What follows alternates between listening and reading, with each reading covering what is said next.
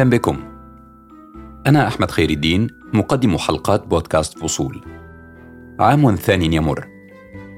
الكثير من الإنجازات والتطورات حدثت معنا. وصل بودكاست فصول خلالها إلى القائمة النهائية لجوائز اي اي بي البريطانية لأحسن بودكاست واقعي. ومع كل مكسب هناك خسائر. زميلتنا دعاء فريد تغادر الفريق لفرصة عمل أخرى. سنشتاق إلى دعاء ونتمنى لها التوفيق. هذه مقاطع من حلقات دعاء فريد لبودكاست فصول.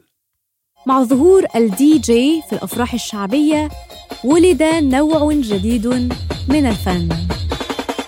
okay أنا فاكر أنا كنت شغلت في الدي جي كنت باخد 5 جنيه في في الفرح. ملايين البشر تبدلت حياتهم بين ليلة وضحاها مع انهمار القذائف على المدن الأوكرانية. نحن جيل الشباب عم نعيش فترة أصعب منهم بكتير. صحيح كانت فترتهم هن من زمان كان في حروب قاسية يمكن بس هن ما جاعوا. أنا ممكن أنجح. أنا فعلا لسه أقدر بإذن ربنا إن أنا أنجح وأجيب مجموع عالي كمان. كورتسل يقول إن تقنية البلوك تشين ستغير وجه الإنترنت.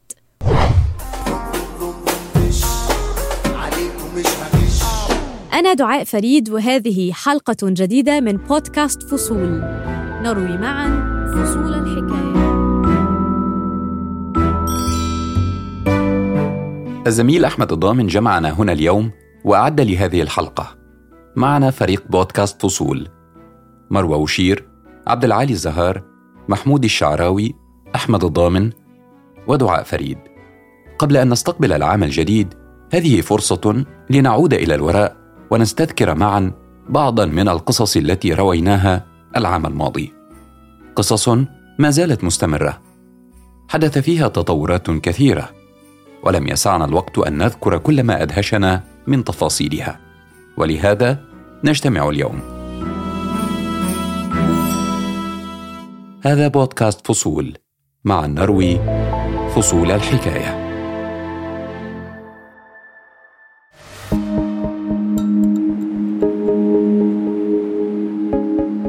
نبدأ مع مروة. مروة أنت اخترت حلقة قذيفة وماراثون حول قصة العداء السورية ديما الأكتع.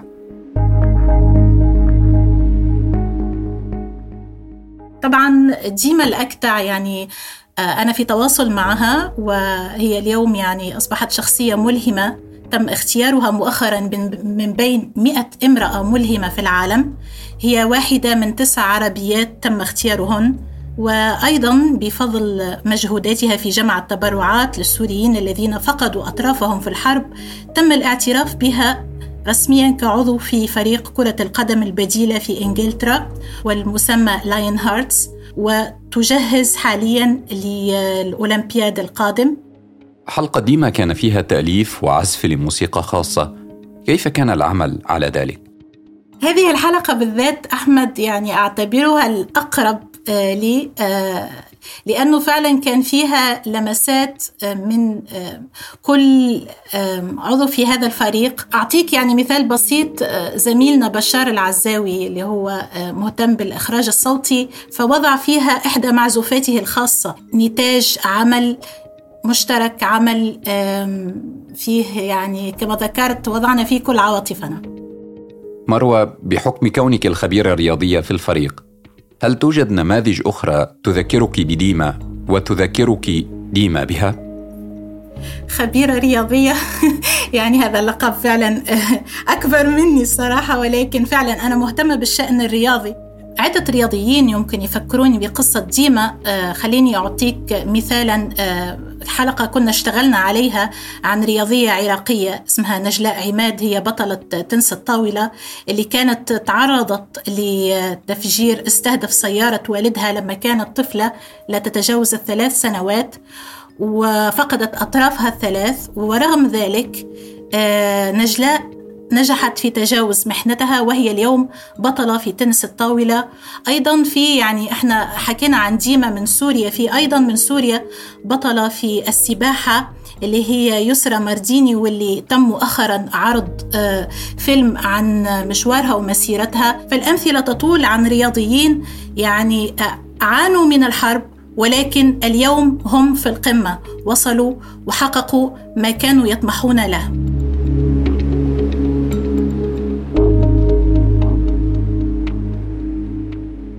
محمود أنت اخترت حلقة قررت أن أحيا لماذا قصة حنان ومرض ثنائي القطب؟ آه، حنان ولدت في طنجة في أقصى شمال المغرب وكانت من ضمن ما يطلق عليهم آه، أطفال الصحراء وأطفال الصحراء هو مصطلح يطلق على هؤلاء الأطفال الذين يمرضون بمرض آه، غير معروف ولا يرجى شفاؤهم ويأتي الأهل والأقارب ليطمئنوا يعني أنهم لا يزالون على قيد الحياة. فظلت كذلك لمدة خمس سنوات ولكن آه تماثلت للشفاء فجأة لسبب غير معلوم وتعلمت المشي والكلام وكانت الحياة تسير على ما يرام. ولكن بسبب انتقال عائلتها إلى المدينة حيث المباني المتلاصقة وغياب الاخضرار فأصيبت حنان بما تم تشخيصه مبدئيا على أنه اكتئاب يعني رفض والدها أن تعالج منه. وتم وصمها مجتمعيا بأنها ممسوسة بجن عائشة قنديشة. وظلت في هذه المعاناة لأكثر من عشرين عاما. يعني تخلل ذلك جلسات لعائشة قنديشة وموسيقى لجناوة ودورات من الهوس والاكتئاب وحمل خارج الزواج ومحاولة انتحار. وأشياء كثيرة جدا في قصتها الغنية ليست فقط مليئة بالأحداث والمشاهد آه، التي تشرح هذه المعاناة بشكل آه، فيه نظرة قريبة آه، جدا على حياة شخص يعاني بصمت وينظر إليه نظرة لا تساعده ابدا على الخروج من هذه الضائقة ولكنها أيضا في في نفس الوقت قد تكون املا لمن يعانون من المرض النفسي بشكل عام ومن اضطراب ثنائي القطب بشكل خاص. على ذكر الحديث عن المرض بشكل عام، ما الذي تعلمته من حالة حنان؟ الذي استوقفني أحمد في البحث عن مرض ثنائي القطب هو أن المعرفة التي لدينا عن الدماغ البشري بشكل عام قد تكون متأخرة عن المعرفة التي لدينا عن مجال مثل الفيزياء ب 300 عام والاضطراب ثنائي القطب يسهل الخطأ في تشخيصه. هناك دراسة لمايو كلينيك تقول أن 40% من حالات الاضطراب ثنائي القطب تشخص على أنها اكتئاب فمعاناة صامتة مستمرة ولفترات طويلة جدا. ما الذي يجعل هذا المرض مختلف عن الاكتئاب؟ هو أن مرض ثنائي القطب هو دورات من الاكتئاب ودورات من الهوس. وهذا المرض بالتحديد إذا ما تم علاجه على أنه اكتئاب فإن المضاعفات تكون خطيرة.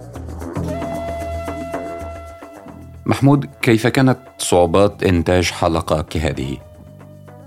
هي في الأساس آه، تحدي أخلاقي آه، يعني لديك كم هائل من المشاهد والقصص والمعلومات التي يخبرك بها الضيف ويتعين عليك بعد ذلك أن آه، تقوم بانتقاء واختيار المشاهد والقصص التي آه، تجعل المستمع يستمع إلى قصة متماسكة وتلقي أو تسلط الضوء على قضية ما.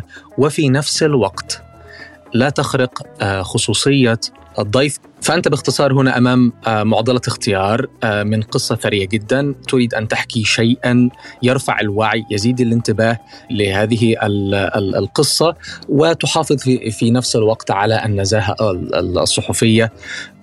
فكنا نتعامل مع هذه الحلقة وكأنها رمية حجر في ماء راكد. ونتمنى أن نكون قد وفقنا في ذلك.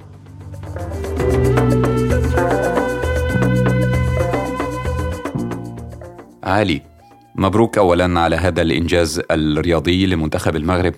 لا يجوز أن نتحدث عن أي شيء آخر قبل ذلك. أنت اخترت محورا ذاتيا في تناول قصة مغربية أخرى اهتم بها العالم. أقصد حلقة علمني ريان. إلى أي مدى كان هذا صعبا؟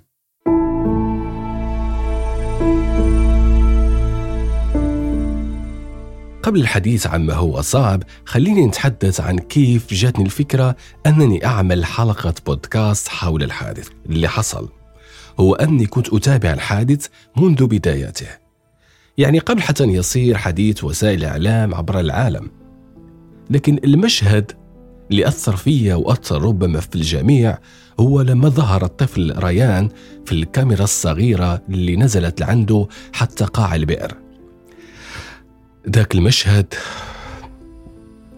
يعني ماذا عسى أن أقول يعني أثر في بشكل كبير كبير جدا لدرجة أنني بكيت ذاك اليوم.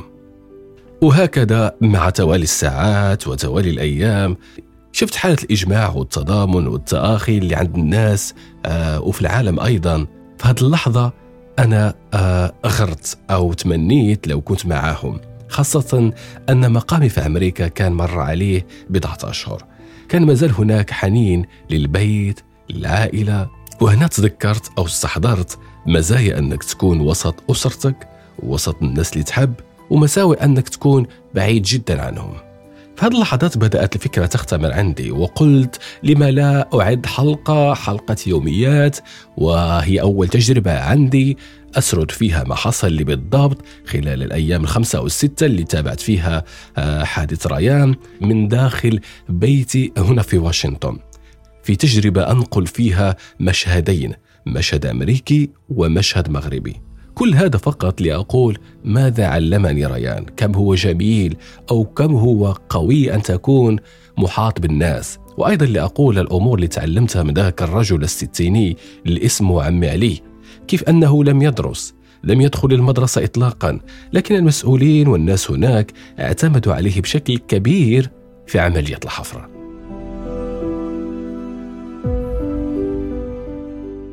وسط كل هذا ما الذي لم تتمكن من إضافته لهذه الحلقة؟ اللي حصل هو أنه من بعض المشاهد اللي لم أذكرها خلال حلقة ريان هو مشهد حصل معي خلال آه، أعتقد اليوم الثاني أو الثالث. آه كنت وقتها حددت موعد مع زميلي محمود لقضاء بعض الأغراض بالخارج. وقبل نصف ساعة من الموعد المحدد للقاء غادرت غرفتي لأجهز نفسي. لكن عند الرجوع وجدت باب الغرفة مغلق. ذاك اليوم بالضبط قضيت معزول في البيت وكل أغراضي الأساسية من بينها الهاتف كلها داخل الغرفة. هو في الأول انزعجت لكن بعد ساعات قلت شوف شوف هذا الطفل ريان معزول لأيام في بئر عميق جدا. كيف يتنفس؟ كيف يقاوم؟ كيف يأكل؟ في اللحظة بالضبط قلت مع نفسي أنه ما عنديش الحق أبدا أني نكون متدمر لأن الوضع أبدا لا يقارن. وكأنها رسالة جاية من السماء. أن يحدث لي هذا في نفس الوقت اللي فيه الطفل ريان معزول داخل بئر عميق. في هذه اللحظات شعرت أكثر بمدى قساوة وبشاعة ما حصل للطفل ريان. علي ما المخاوف أو الهواجس التي كانت تسيطر عليك؟ صراحة التخوف اللي كان عندي هو في الكتابة يعني كيف ممكن أعرض الدروس اللي تعلمتها من حادث ريان من غير ما أقولها بشكل مباشر. نخلي وصفي للمشاهد وسرد الأحداث هي اللي تقول كل شيء. من خلال جمل ولغة أدبية مشهدية. تخليني في غنى عن لغة التقارير والإحصاء والرأي. يعني نلعب دوري الطبيعي كسارد وليس كخبير.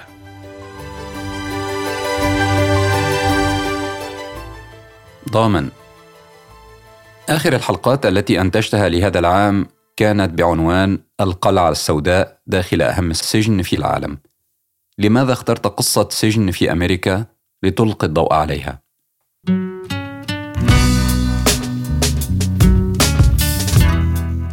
أحمد بالنسبة للحلقة فإن لدي اهتماما بالسجون ومفهوم الجريمة والعقاب منذ كنت في الجامعة السجن واقع يعيشه ملايين البشر والإحصاءات تشير إلى أن أكثر من 12 مليون إنسان حول العالم يعيشون في السجون اليوم في الوقت الذي كان زملائي في الدراسة يفضلون التسجيل في مواد اختيارية سهلة.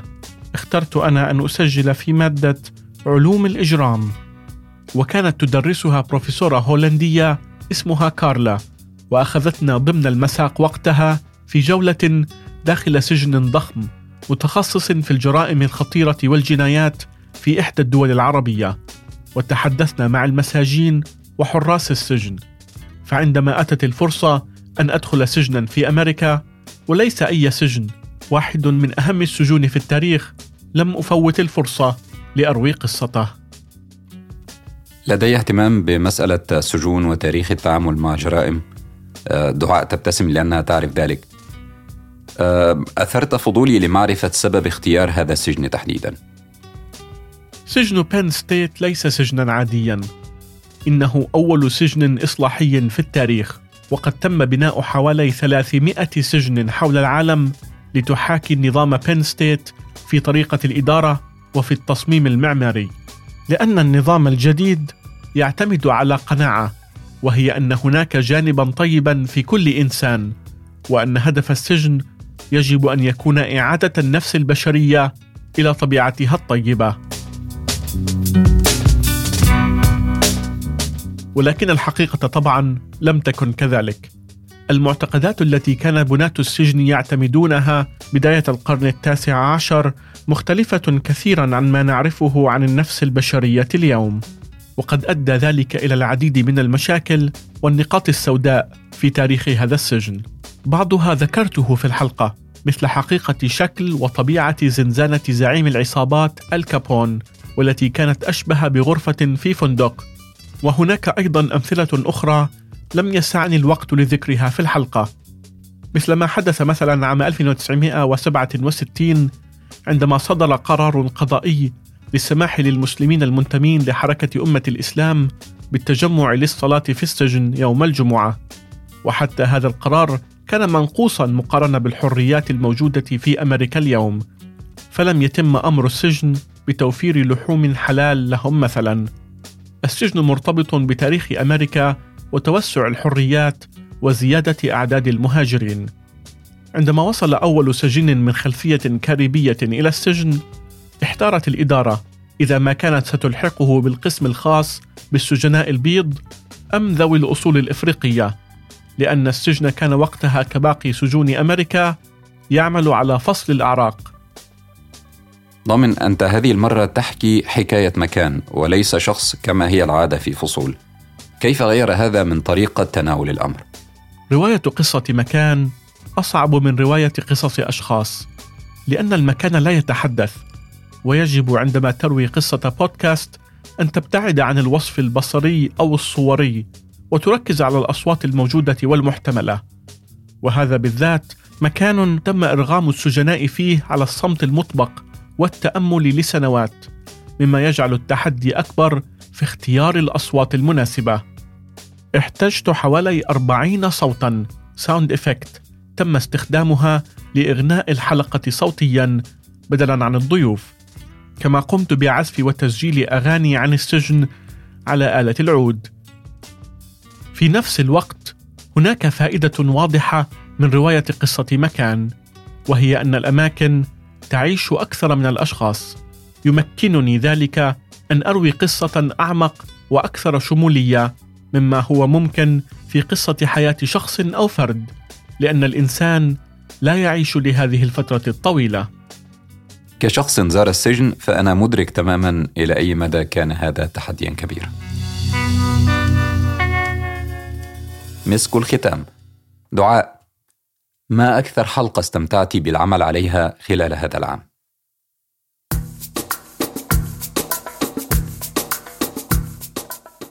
أحمد أكتر الحلقات اللي أنا استمتعت بالعمل عليها السنة دي آه، هي سلسلة عن فن المهرجانات المصري الشعبي السلسلة دي كانت قريبة جدا مني آه، لأن من أول ما بدأت العمل على بودكاست فصول وأنا آه، عايزة أعمل حلقة عن المهرجانات لأني أنا شخصيا بحب أسمع الفن ده من بداية ظهوره آه، وحاسة إنه في آه، صورة نمطية عنه وفي النهاية صناع المهرجانات مش متاح ليهم المنصة المناسبة إن إحنا نسمعهم أو نعرف هم بدأوا إزاي وإزاي وصلوا للي هم فيه حاليا وليه بيغنوا بالشكل ده؟ وليه المزيكا تبدو صاخبة بالشكل ده؟ وليه الكلام طالع بالشكل ده؟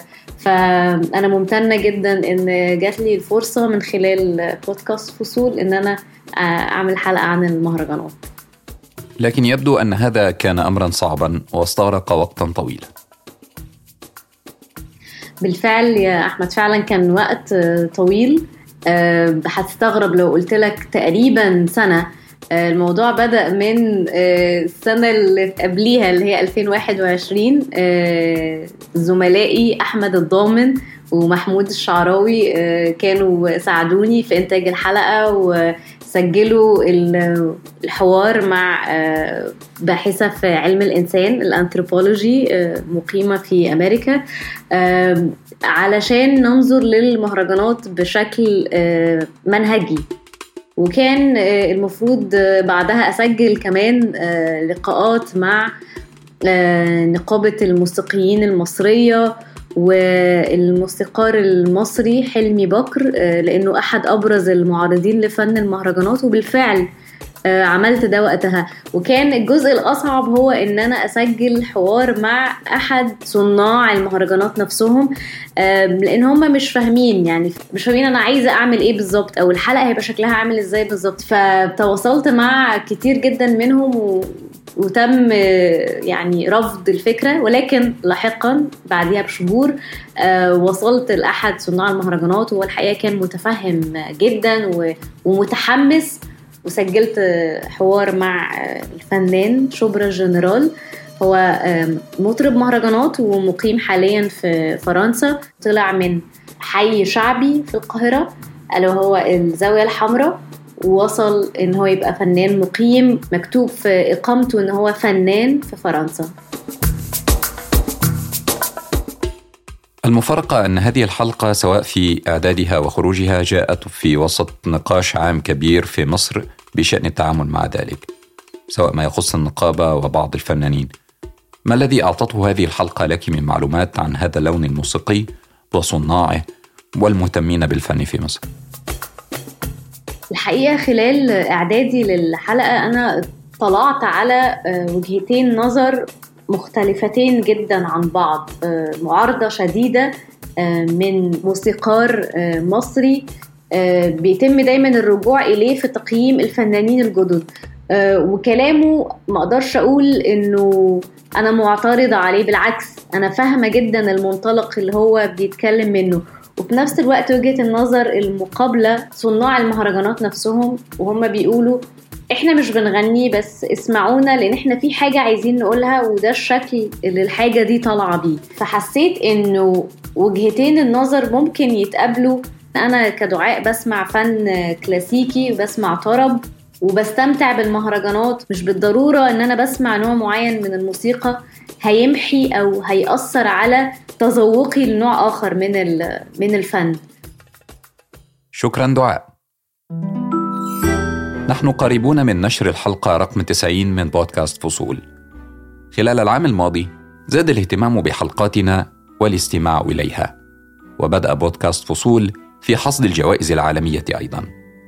ثمار قطفناها بعد جهد.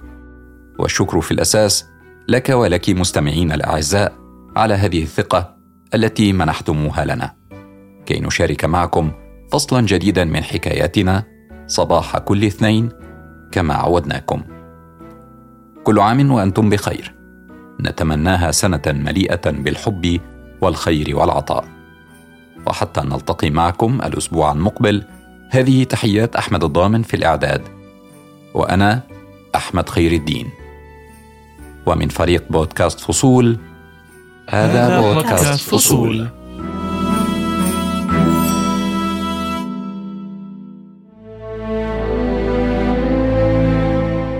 معا نروي فصول الحكاية.